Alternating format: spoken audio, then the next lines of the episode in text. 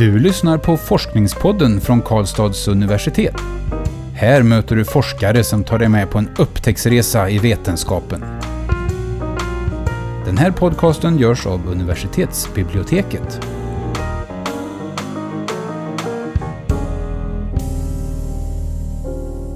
Hej och välkomna, mitt namn är Magnus. Och jag heter Nadja.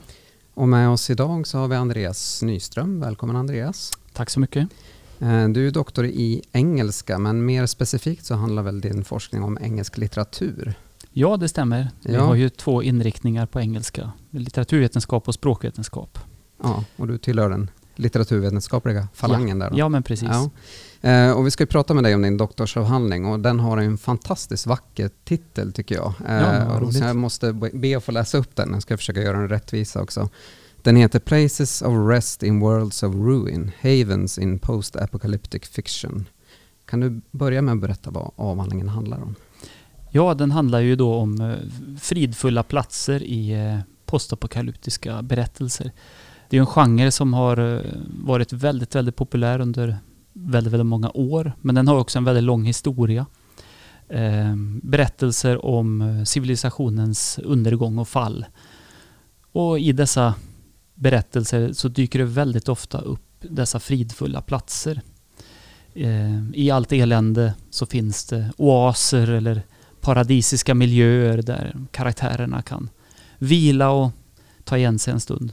Och det är just de här platserna som eh, är fokuset i min avhandling. Det är väl ett specifikt syfte sådär. Hur, hur fick du idén till att skriva om detta? Ja, jag har intresserat mig för genren under många, många år. Eh, Den har funnits med ända sedan barndomen. Så det var ganska tydligt när jag skulle välja mitt eh, forskningsämne att det var just postapokalyptiska berättelser jag ville titta på. Sen har det alltid intresserat mig eh, den här blandningen utav ruiner och elände samtidigt som det i dessa berättelser ofta finns eh, en, en spirande grönska.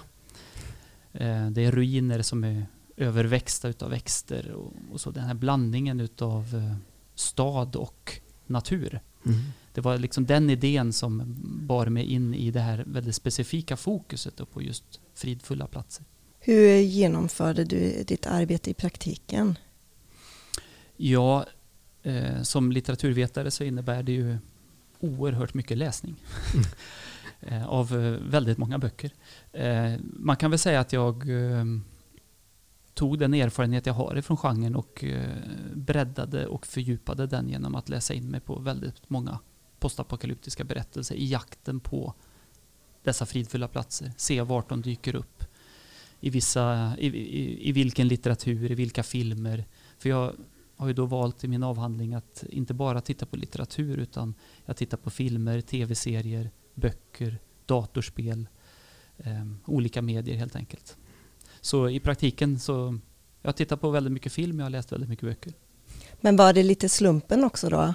Vilka böcker du fastnade för, vilka som visade det du var ute efter? Eller hade du på förhand en liten strategi hur du skulle välja materialet? Nej, jag, snarare det för, förra du sa där att eh, när man läser in sig på en genre på det här sättet så börjar man ju se mönster och eh, sen helt enkelt eh, väljer jag då ut de goda exemplen som finns eh, som belyser den här tropen som vi säger inom litteraturvetenskap eller kliché eller tematiken kring fridfulla platser på ett, eh, på ett bra sätt. Kan du ge lite mer exempel? Absolut. Ehm, Jag kan, det kanske är lättast att ge exempel från filmens värld som de flesta har sett vissa av de filmerna som jag tar upp i min avhandling. Ehm, Ett gott exempel är ju den Mad Max-film som kom för några år sedan som heter Fury Road. Den minns jag. Den minns du? Ja, den är lätt att minnas. Där de ju flyr ifrån en sån här paradisisk miljö i hopp om att hitta en paradisisk miljö. Som mitt i filmen visar sig vara ett träsk. Och då vänder de på klacken och åker tillbaka. Och så inser de att eh, där de kom ifrån, det var dit de egentligen ville. Och det är ju en sån paradisisk oasmiljö i, mitt ute i öknen. Så naturligtvis när man har gjort sig av med de här eh, otäcka diktatorerna kanske blir en bättre plats. Så det är en, ett sånt exempel. En, ett lite äldre exempel för de som på 90-talet eh, kanske tittade på eh, Kevin Costners Waterworld så letar de ju efter en efter eh, torra land. Vilket de hittar på slutet i form av en grönskande ö. Mm. Så det är den typen av platser vi pratar om. Är det någonting som finns med som regel i postapokalyptisk fiktion? Alltså de här fridfulla platserna. Är det ett konstant inslag? Inte konstant. Det finns absolut eh, postapokalyptiska berättelser utan fridfulla platser. Men eh, de är ju väldigt vanliga. Jag tror eh, de som är lite inlästa på genren och hör mig prata om det här, de tror jag nickar instämmande ganska direkt att den här typen av miljöer dyker väldigt ofta upp. Så det är absolut inte en nödvändig ingrediens i genren, men den är en ofta förekommande ingrediens i genren. Kan du berätta lite mer om eh, vad de här platserna gör då kanske? Ja, precis, för det är ju det som är mitt vetenskapliga fokus i avhandlingen, det är att undersöka de här funktionerna som de här platserna uppvisar.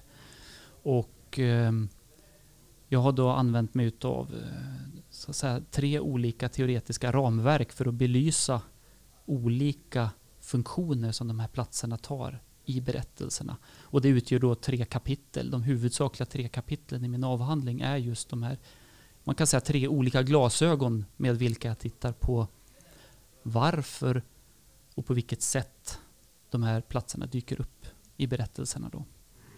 Kan du utveckla lite där? Absolut, jag förstår det. Det, här, det måste jag ju naturligtvis göra. Och, och, eh, i ganska breda termer kan jag väl säga då att, att en funktion det är att just diskutera och utmana eh, vår syn på människans förhållande till och plats i naturen. Vårt liksom förhållande till den eh, icke-mänskliga naturen och den fridfulla platsen gör ju det här genom att beskriva en, en paradisisk plats i en ofta väldigt ogästvänlig miljö. Så det bygger upp en väldig spänning där mellan de eländiga öknarna eller radioaktiva zonerna och de här eh, gröna, ofta gröna och paradisiska miljöerna. Och pekar väl i någon mån på vårt, vårt behov och beroende av naturen för, för vår överlevnad. Så i, i det här första kapitlet så tittar jag på de här fridfulla platserna ur, ur det perspektivet, ur ett ekokritiskt eh, perspektiv helt enkelt. Okej, okay, men det, det, är lite som en utopi då samtidigt som finns i, i det? Ja, absolut. Uh, utopibegreppet eh, är ju komplicerat och, och, och grotta ner sig i, sig. Då. Ja. Utopier beskriver ju oftast väldigt välfungerande samhällen som någon form av motsats till dystopier.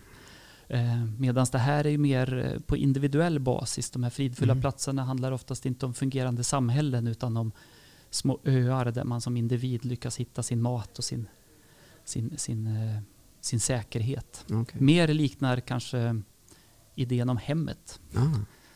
Vad var det mer för tematiker du hittade där? Ja, men precis. Ja, I mitt andra kapitel då så tittar jag på spänningen eh, som byggs upp i berättelserna mellan rörelse och vila. I, vilket om vi ska återgå till Mad Max är jättetydligt där eftersom det är ett, eh, ett bilrace genom öknen. De befinner sig i rörelse på jakt efter en fridfull plats och när de kommer till den mitt i filmen ja då kör de fast i träsket och så stannar det upp. Eh, så de här fridfulla platserna är oftast eh, platsen man rör sig emot. Så det finns den här eh, idén om, eh, som jag diskuterar i avhandlingen då, om eh, ett, ett, ett stillasittande liv och det nomadiska vagabondlivet där man rör sig runt. Eh, och i en analys jag gör av just Mad Max Fury Road så ser man båda de här typerna av figurerna i det att Mad Max på slutet, för honom är inte den här oasen, citadellet som det heter i filmen, en fridfull plats. Han ger sig ut i öknen igen för han, Um, han är då mer av en nomad. Han har inget behov av hemmet. Han, han är i ständig rörelse. Så den fridfulla platsen här, den dyker upp som en, en punkt där man kan diskutera hur det, om, om, om man ska leva i rörelse eller om man ska leva mm. stationärt. Är det mer en plats för reflektion då? Kan man säga så eller? Nej, inte nödvändigtvis. Men det finns ju en, och den här spänningen, det är ju inte så att alla människor är ändra nomader eller stillasittande, utan det här finns ju i oss alla, den här önskan att resa, att röra sig bort ifrån någonting. Men vi har ju också idén om att komma tillbaka hem. Att, att återkomma till den där säkra platsen. Tryggheten. Tryggheten, ja precis. Så det utmanar väl eh, idén om trygghet. Är trygghet att eh, hitta en plats att vara trygg på eller är trygghet i att befinna sig i ständig rörelse? Upplever du att de här fridfulla platserna som du har tittat på, är de liksom kärnan i berättelsen eller kan de vara mer perifera och så? Eller hur? Vilken En, roll har de för hela berättelsen? Så? Nej, väldigt bra fråga, tycker jag. Jag skulle nog säga i Mad Max Fury Road så utgör det en väldigt central del Mm. med tanke på att det är platsen de flyr ifrån. De rör sig mot vad de tror är en fridfull plats som de kallar för the green place som visar sig inte vara det. Sen vänder de på klacken, rusar hem igen. Så där är ju på något sätt hela filmen, även om den har mycket annan väldigt intressant tematik kring genusfrågor så utgör ju den här fridfulla platsen någon form av inramning av hela, hela berättelsen. Men ganska ofta så används också den fridfulla platsen mest som ett väldigt enkelt sätt att avsluta en berättelse på. Jag kallar det för ett naivt användande utav naivt eller sentimentalt användande utav den fridfulla platsen när det mest utgör en väldigt snabb avslutning utav filmen eller berättelsen.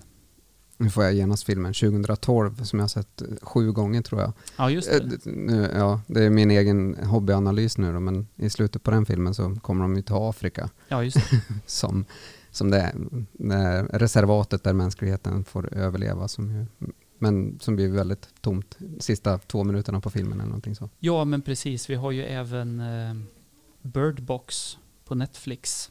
Finns det en film som heter, där de rusar mot en sån här fridfull plats. Och när de väl kommer fram till det så tar det kanske 30 sekunder så är filmen slut.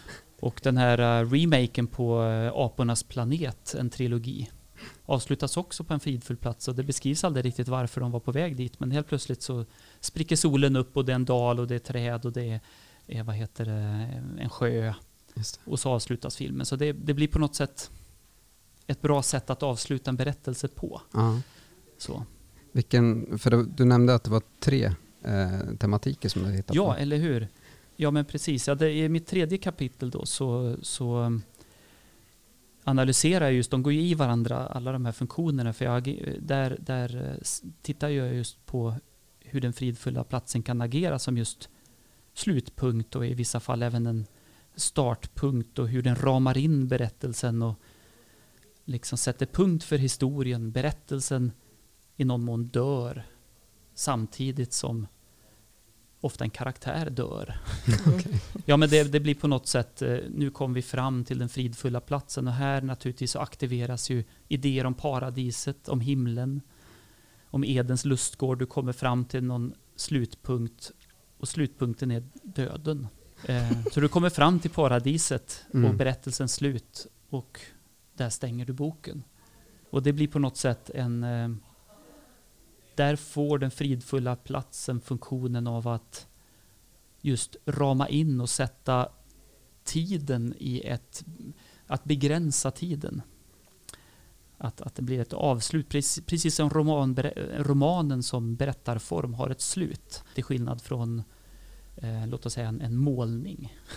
Eller en, eh, vissa dikter som inte har en berättelse med ett slut utan de bara är. Medan romanen har ett start och ett slut och det har händelse, en, ett händelseförlopp däremellan. Och då blir den här fridfulla platsen ett, ett, eh, ett väldigt kraftfullt sätt att sätta ett rumsligt slut på berättelsen. Det är Mm. där du stannar och du sätter dig ner. Berättelsen avslutas och det dör. Så liksom tittaren eller läsaren kan få gå vidare med den bi- fasta bilden i huvudet lite grann. Ungefär så. Ja. Mm. Eh, jag funderar på, eh, kan du, det kanske ligger lite grann utanför ditt fokus, men eh, ser du någon utveckling i hur den här fridfulla platsen har använts i fiktionen? Alltså vilken, vilken av de här tre tematikerna som har varit vanligast? Eller? Ja, Ja, de, de går ju i varandra, ofta överlappar de här tre tematikerna varandra. Eller de här tre funktionerna, de överlappar kraftigt Okej. med varandra. Så det är ju lite av en eh, abstrahering eller konstruktion jag gör i min forskning eh, för att enklare kunna samtala om det. Men väldigt ofta sker det ett överlapp eh, mellan de här funktionerna. Lite svårt att uttala sig om hur den här fridfulla platsen har utvecklats i genren. Det är ett sånt framtida forskningsprojekt som skulle intressera Ja. mig ganska stort. För eh, tittar man i äldre litteratur så dyker in den här fridfulla platsen inte upp i lika stor omfattning och inte lika väl artikulerad. Så. så det finns helt klart någon form av trend till att använda den mer Mm. i genren idag än för hundra år sedan. Det ännu mer, jag var nyfiken på det här postapokalyptisk fiktion överhuvudtaget. Finns det någon Mm. sån startpunkt eh, för den, eller hur? Jo men absolut, eller man brukar prata om en, en eh, icke-religiös startpunkt för pratar vi om tidens slut och civilisationens fall och undergång så är det ju bara att läsa Bibeln som har flera tusen år på nacken att vi förstår att det här är tankar som människor har burit med sig. Tankar om avslut har vi burit med oss i tusentals år. Men ett, en, en så att säga sekulär variant på den här tanke, eh, tanken, den kommer i och med Ja, man brukar sätta, jag, jag skulle vilja sätta Mary Shelleys eh, The Last Man, eh, en roman, som startpunkt från 1800-talet och tidigt 1800-tal. Det är hon som även skrev Frankenstein. Mm. Det finns en del eh, diktverk före Mary Shelley, men det är absolut en startpunkt man skulle kunna utse. Intressant. Och sen har det funnits med sedan dess alltså? Sen har det funnits med sedan dess. Och det är ju lite intressant då i dessa tider att just i The Last Man, det som får mänskligheten att gå under där är ett virus.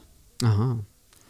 Jag tänkte nästan komma in på det, just det här postapokalyps i, i dessa tider som du säger. Mm. Eh, vad, vad, vad är liksom statusen för genren idag? Eh, är det mer intresse eller mindre intresse på grund av att vi har liksom lätt anstrykning av apokalyps i, i den tid vi lever i? Ja, nej men det är väl inte... Jag skulle nog säga att genren har varit eh, populär eh, långt innan pandemin nu. Mm. Den har haft ökad popularitet. Vi har mycket... Zombie-genren är ju väldigt eh, nära kopplad till eh, postapokalyps naturligtvis. Eh, så, men jag vet faktiskt inte ifall man kan... Det är lite svårt att mäta ifall just under senaste året om postapokalyps... Netflix vet nog Ja, eh, i, deras algoritmer vad de ser, att folk tittar på. Mm. Sådär. Men det finns ju absolut en, en i genren finns en anstrykning av att den, den, tar, den, den, den gör sig aktuell i de, de tidsperioder som skapar dessa berättelser. Det är ju naturligtvis så att på 60-talet så, så, så, så dök det upp väldigt mycket romaner kring kärnvapenkatastrofer och så. Men samtidigt så ska man inte dra för stora växlar på det.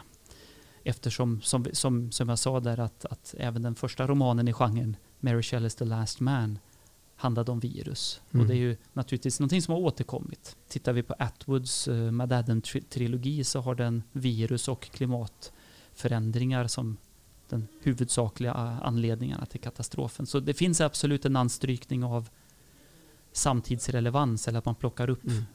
vad är det vi är rädda för ska avsluta vår civilisation idag? Men du Andreas, vem hoppas du kommer läsa avhandlingen? Ja, jag hoppas ju att alla som intresserar sig för genren och, och för spekulativ fiktion i bred bemärkelse, både forskare och icke-forskare, ska intressera sig för, för avhandlingen. Jag har, jag har försökt att skriva avhandlingen på ett tillgängligt sätt, så jag hoppas att även icke-akademiker ska kunna ta till sig i alla fall de bredare penseldragen i, i, i forskningen och de slutsatser jag drar. Och du var redan lite inne på det förut, för du har lite planer för framtiden. Har du lust att säga något om det? Ja, ja men eh, absolut. Jag nämnde där att, eh, att undersöka just den fridfulla platsens eh, kronologi eller historia vore väldigt spännande. I övrigt så är det kanske närmast att försöka utveckla vissa av resonemangen i avhandlingen till enskilda artiklar och publicera enskilda artiklar på idéer som gömmer sig i fotnötterna, mm. så att säga. Om det är någon som har blivit nyfiken nu och själv vill bli doktorand, har du några bra tips där? Ja, ja, absolut så ska man ta alla, alla chanser att forskarutbilda sig ifall man är det minsta intresserad. Det är fantastiskt givande, det är väldigt, väldigt roligt. Eh, bland det bästa jag har gjort. Så. Jag tycker det är lite intressant också att du, äh, men, du pratar om att det är engelsk litteratur, men du blandar ju materialen ganska friskt här också. Man måste inte begränsa sig till böcker om man nu inte skulle vilja det, uppenbarligen då, eller? Nej, precis. Eh, huvudfokus i min avhandling är ju just litteratur, men eh, jag plockar ju även in andra berättelser, för eh, som litteraturvetare är man ju intresserad av berättelser, av fiktion. Och den, den hittar man ju idag i väldigt stor mängd av medier. Mm. Det är inte bara romanformen längre som bär på berättelser. Det är spännande. Och eh, där vill jag tacka dig eh, varmt för att mycket. du gästade Forskningspodden idag. Det var jättekul att ha dig med. Ehm, och lycka till med det fortsatta arbetet. Kanske finns tillfälle att prata mer om det här i framtiden. Ja, men det hoppas jag. och eh, tack också till er som har lyssnat och välkommen tillbaka. Du har lyssnat på Forskningspodden från Karlstads universitet. Den här podcasten görs av universitetsbiblioteket. Alla avsnitt hittar du på kau.se forskningspodden.